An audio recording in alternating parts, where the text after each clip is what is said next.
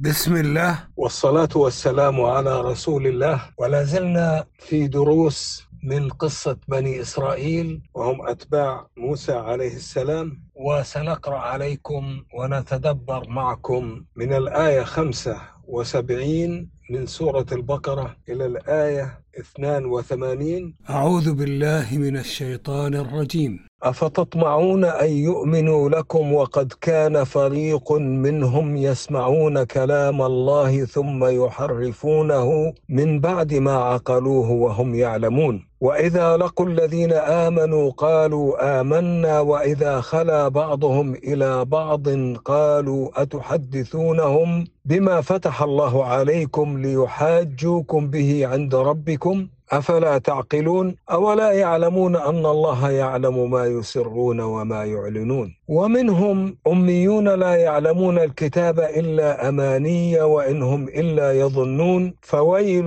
للذين يكتبون الكتاب بأيديهم ثم يقولون هذا من عند الله ليشتروا به ثمنا قليلا. فويل لهم مما كتبت أيديهم.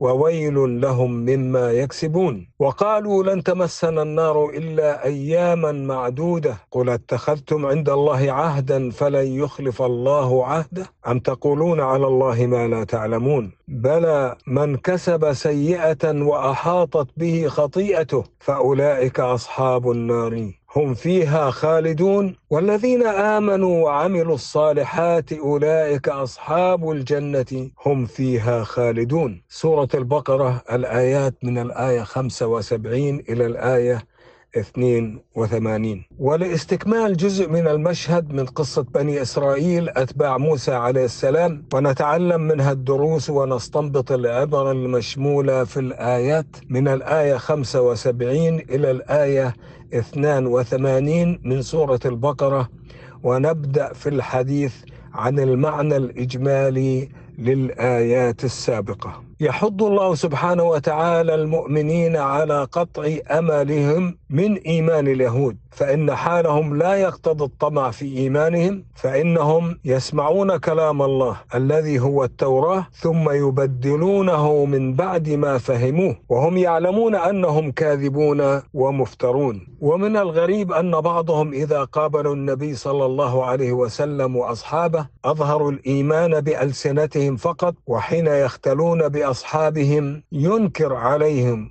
أصحابهم إخبارهم النبي صلى الله عليه وسلم وأصحابه بأن ما في التوراة من صفات النبي تنطبق على محمد صلى الله عليه وسلم وبما وقع لآبائهم من العقوبات لماذا؟ وذلك لئلا يكون هذا الاعتراف حجة للمؤمنين عليهم يوم القيامة أمام الله حيث عرفوا الحق ولم يتبعوه وقال لهم أصحابهم منكرين عليهم لو كان لديكم ادراك لفهمتم هذا الأمر فأنكر الله تعالى عليهم قولهم هذا وهم يعلمون أن الله يعلم ما يخفونه وما يعلنونه. ثم أخبر الله سبحانه وتعالى أن من اليهود عوام ليس لهم حظ من التوراة إلا تلاوة ألفاظها فحسب فلا يف فهم لا يفقهون معانيها وليس معهم إلا مجرد الظنون. ثم توعد الله عز وجل بالعذاب والهلاك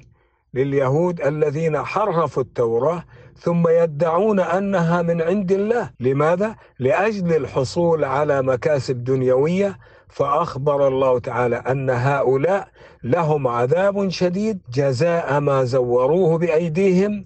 وعلى ما أخذوه. من الحرام. ثم ذكر الله سبحانه وتعالى تزكية اليهود بأنفسهم بأن النار لن تلاقي أجسامهم إلا أياما قليلة فأمر الله نبيه محمد صلى الله عليه وسلم أن يسألهم إن كان لديهم ميثاق من الله على ما زعموه فإن كان لهم فالله لا ينقض ميثاقه. أم أنهم يدعون على الله كذبا؟ فأخبرهم الله جل شأنه أن الأمر ليس كما ادعوه فالحكم إن من أشرك أشرك بالله وأحدقت به ذنوبه ومات عليها ولم يتب منها فهؤلاء هم الملازمون للنار لا يخرجون منها أبدا وأن من آمن بالله وملائكته وكتبه ورسله واليوم الآخر وعمل صالحا فهؤلاء هم أهل الجنة المقيمون فيها لا يخرجون منها أبدا. وتعلمت من قصة بني إسرائيل ومن قوله تعالى أفتطمعون أن يؤمنوا لكم؟ بمعنى أي أتعلقون الطمع بما لا مطمع فيه؟ فترجون أن يؤمنوا لكم؟ أن يصدقون ويقرون بقلوبهم وألسنتهم وجوارحهم؟ لماذا؟ لأجل دعوتكم وطلبكم منهم الإيمان؟ وتعلمت من قصة بني إسرائيل ومنها نستنبط أن هذه الآية فيها تسلية من الله سبحانه وتعالى لرسوله محمد صلى الله عليه وسلم بما يذهب عنه الأسى والحزن حيث بين له حال هؤلاء وأنهم قوم عتاه لا مطمع في إيمانهم. وتعلمت من قصة بني إسرائيل ومن قوله تعالى وقد كان فريق منهم يسمعون كلام الله. بمعنى أي والحال أن جماعة منهم لأنه هنا القول وقد كان فريق منهم. أي جماعة منهم كانوا يسمعون كلام الله يتلى في كتابه التوراة.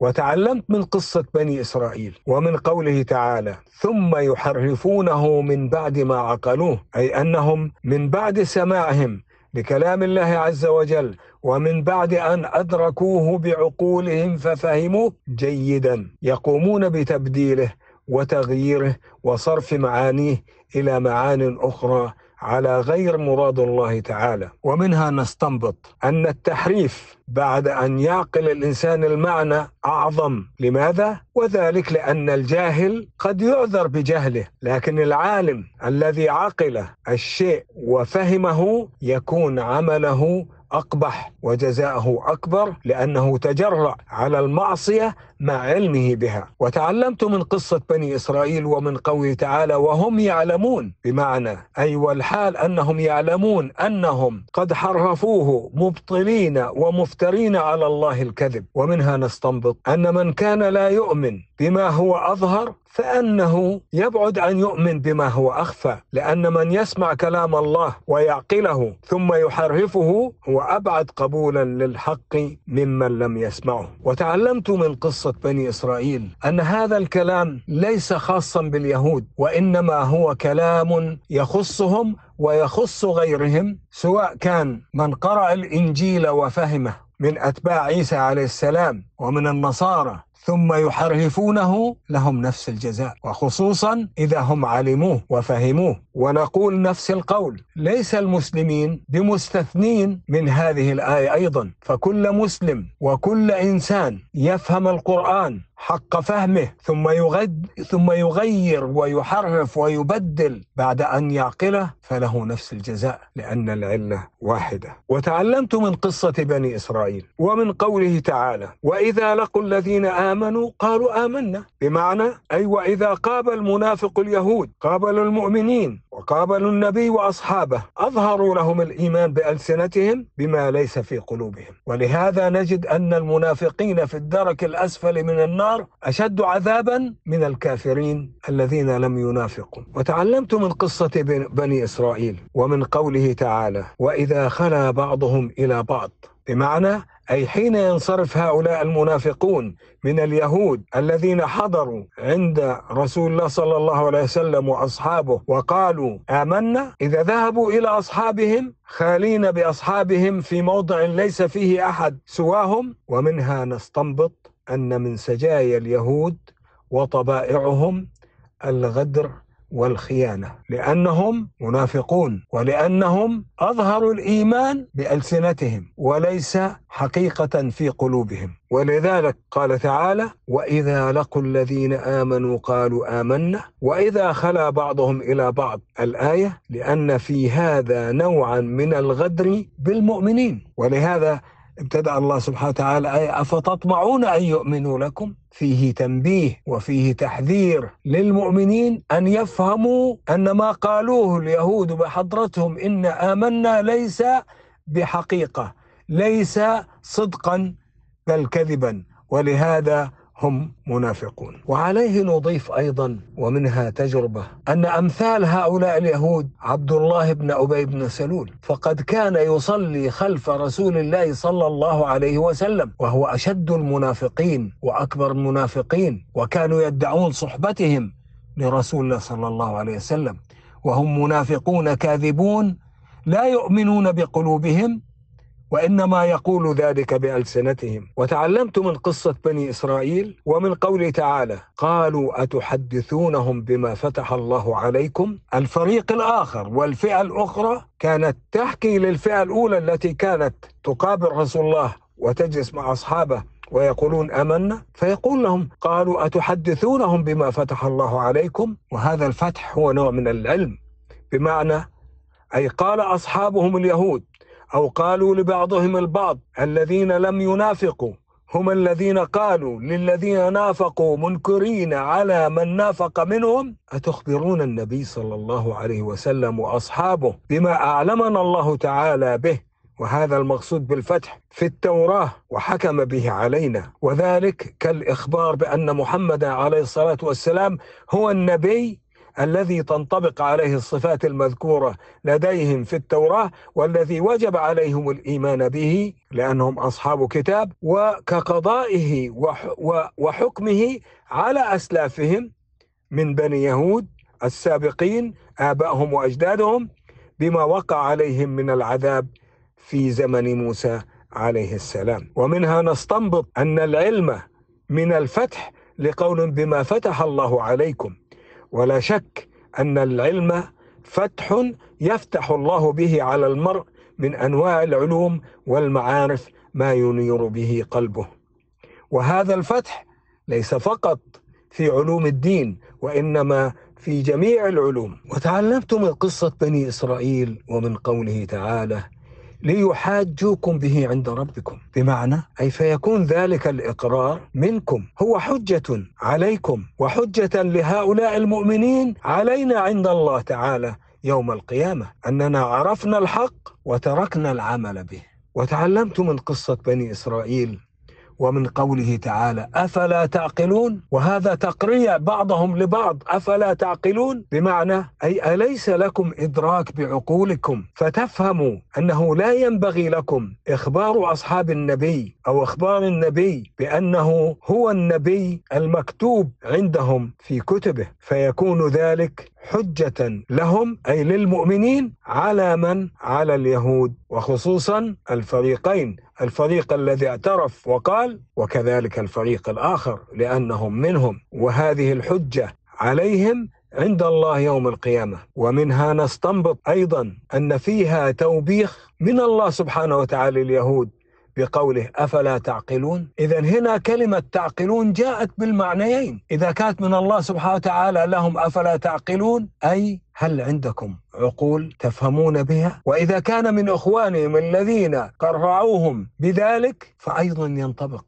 عليهم نفس القول. وفيها دلالة على أنه ينبغي للإنسان أن يكون عاقلا فلا يخطو خطوة إلا وقد عرف أين يضع قدمه. ولا يتكلم بكلمة إلا وينظر ما سيترتب على كلامه ولا يفعل شيئا إلا وينظر ما سيؤول إليه فعله. فينظر في عاقبة الأمور سواء من الفعل أو من القول وتعلمت من قصة بني إسرائيل ومن قوله تعالى أولا يعلمون أن الله يعلم ما يسرون وما يعلنون. انتهى المقطع من الآية بمعنى أي أيقولون مثل هذا ولا يعلمون أن إصرارهم وإعلانهم وأسرارهم هي عند الله جل وعلا. سواء فالسر عنده علانية فهو يعلم ما يبدون وما كانوا يكتمون. فالله تعالى يعلم ما يسره اليهود من الكفر والتكذيب والنفاق وما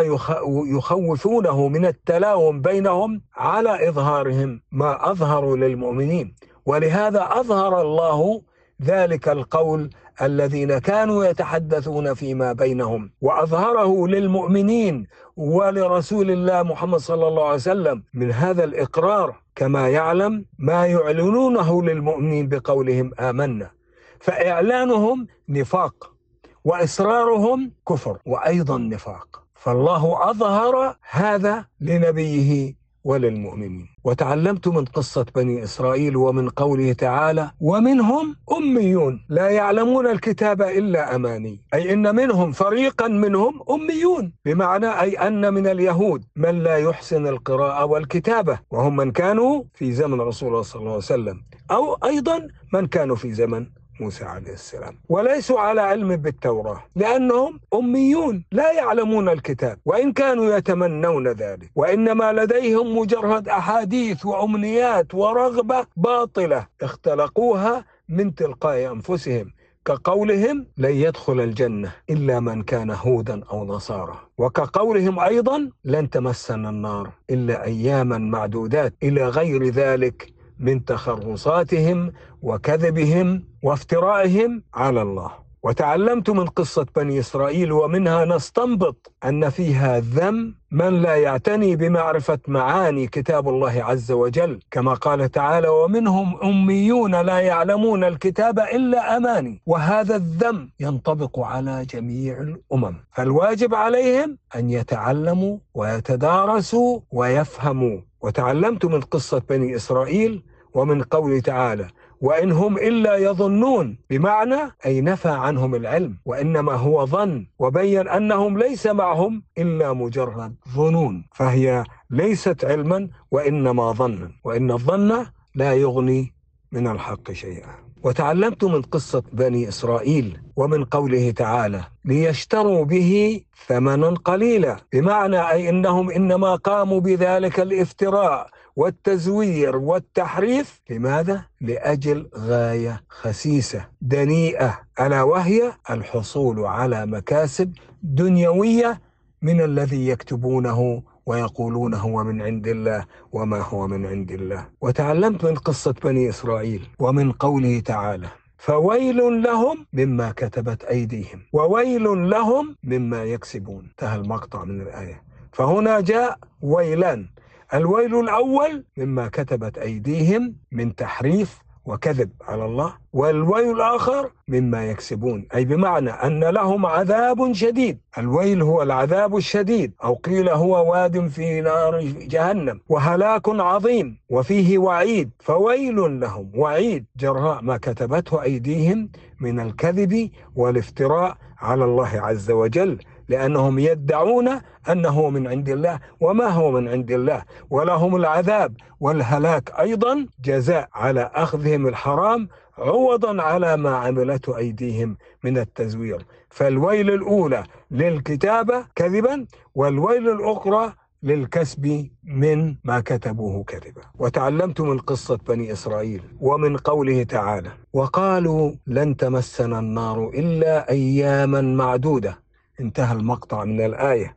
بمعنى أي أنهم قالوا لن تلاقي أجسادنا نار الآخرة إلا أياما قليلة ثم ننجو منها. وتعلمت من قصة بني إسرائيل ومن قوله تعالى قل أتخذتم عند الله عهدا فلا يخلف الله عهده. أي بمعنى أي قل يا محمد لأولئك اليهود الذين ادعوا لأنفسهم ما ادعوا. وقالوا لن تمسنا, لن تمسنا النار إلا أياما معدودة. هل عندكم من الله ميثاق يثبت صحة دعواكم؟ فإن كان قد وقع عهد فلكم العذر. فيما قلتم فإن الله تعالى لا ينقض ميثاقه ولا يخلف وعده. وتعلمت من قصة بني إسرائيل ومنها نستنبط حسن مجادلة القرآن لأنه حصر هذه الدعوة في واحد من أمرين وكلاهما منتفي. أتخذتم عند الله عهدا؟ وهذا منتفي. فلا يخلف الله عهده. أم تقولون على الله ما لا تعلمون؟ وتعلمت من قصة بني إسرائيل ومن قوله تعالى. أم تقولون على الله ما لا تعلمون؟ بمعنى أي أو هل تتقولون على الله تعالى الباطل وتختلقون الكذب جراءة عليه سبحانه؟ فويل لكم مما كتبت أيديكم وويل لكم مما تكسبون. وتعلمت من قصة بني إسرائيل ومن قوله تعالى بلى من كسب سيئة بمعنى أي ليس الأمر كما تمنيتم يا معشر اليهود ولكن من أشرك بالله تعالى ومن قوله تعالى وأحاطت به خطيئته بمعنى أي أحدقت ذنوبه وخطاياه بقلبه من كل جانب فليس له منفذ للخروج منها. فإذا مات عليها قبل التوبة منها فأولئك أصحاب النار. هم فيها خالدون. وتعلمت من قصة بني إسرائيل ومن قوله تعالى فأولئك أصحاب النار هم فيها خالدون بمعنى أي أنهم ملازمون للنار على الدوام لا يخرجون منها أبدا. وهذا هو الخلود في النار والعياذ بالله.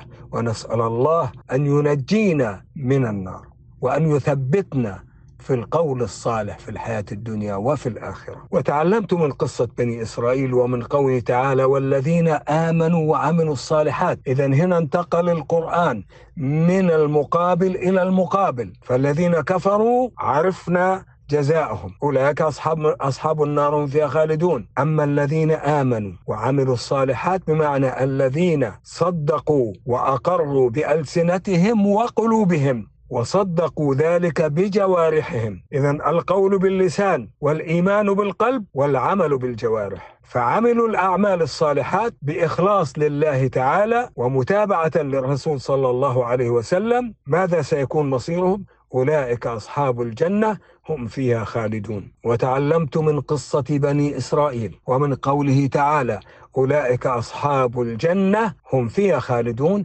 بمعنى أي أن هؤلاء هم أهل الجنة المقيمون فيها على الدوام لا يخرجون منها أبدا. وتعلمت من قصة بني إسرائيل ومنها نستنبط أن الإيمان وحده باللسان لا يكفي لدخول الجنة بل لا بد أن يكون قول باللسان وعمل بال و... وإيمان بالقلب وعمل بالجوارح. إذا لا بد من العمل الصالح ليصدق القول باللسان والإيمان في القلب كما أن العمل وحده لا يكفي. بل لا بد أن يكون صادرا عن إيمان بالقلب والوجدان. بقول تعالى آمنوا وعملوا الصالحات. آمنوا بقلوبهم وعملوا الصالحات بجوارحهم. قالوا ذلك بألسنتهم وصدق ذلك قلوبهم وصدقت ذلك جوارحهم بالعمل. ولذلك لم ينفع المنافقين عملهم لفقدهم الإيمان في قلوبهم. هذا العمل عندما كانوا يصلون خلف رسول الله أو عندما كانوا يقولون للنبي وأصحابه آمنا بالسنتهم وليس في قلوبهم فهذا القول مردود عليهم غير مقبول عند الله سبحانه وتعالى. ومن الدروس والعبر من قصة بني إسرائيل وفي قوله تعالى أتخذتم عند الله عهدا فلن يخلف الله عهده انتهى المقطع من الآية أي أن الله سبحانه وتعالى لن يخلف عهده ولن يخلف وعده وكان كونه لا يخلف الوعد يتضمن صفتين عظيمتين. ما هما؟ هما الصدق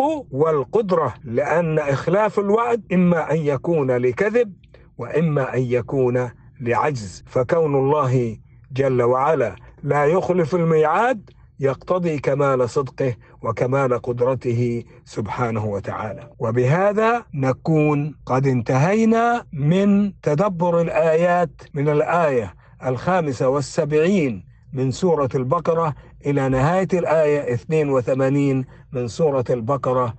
ونستودعكم الله الذي لا تضيع ودائعه. والسلام عليكم ورحمة الله وبركاته.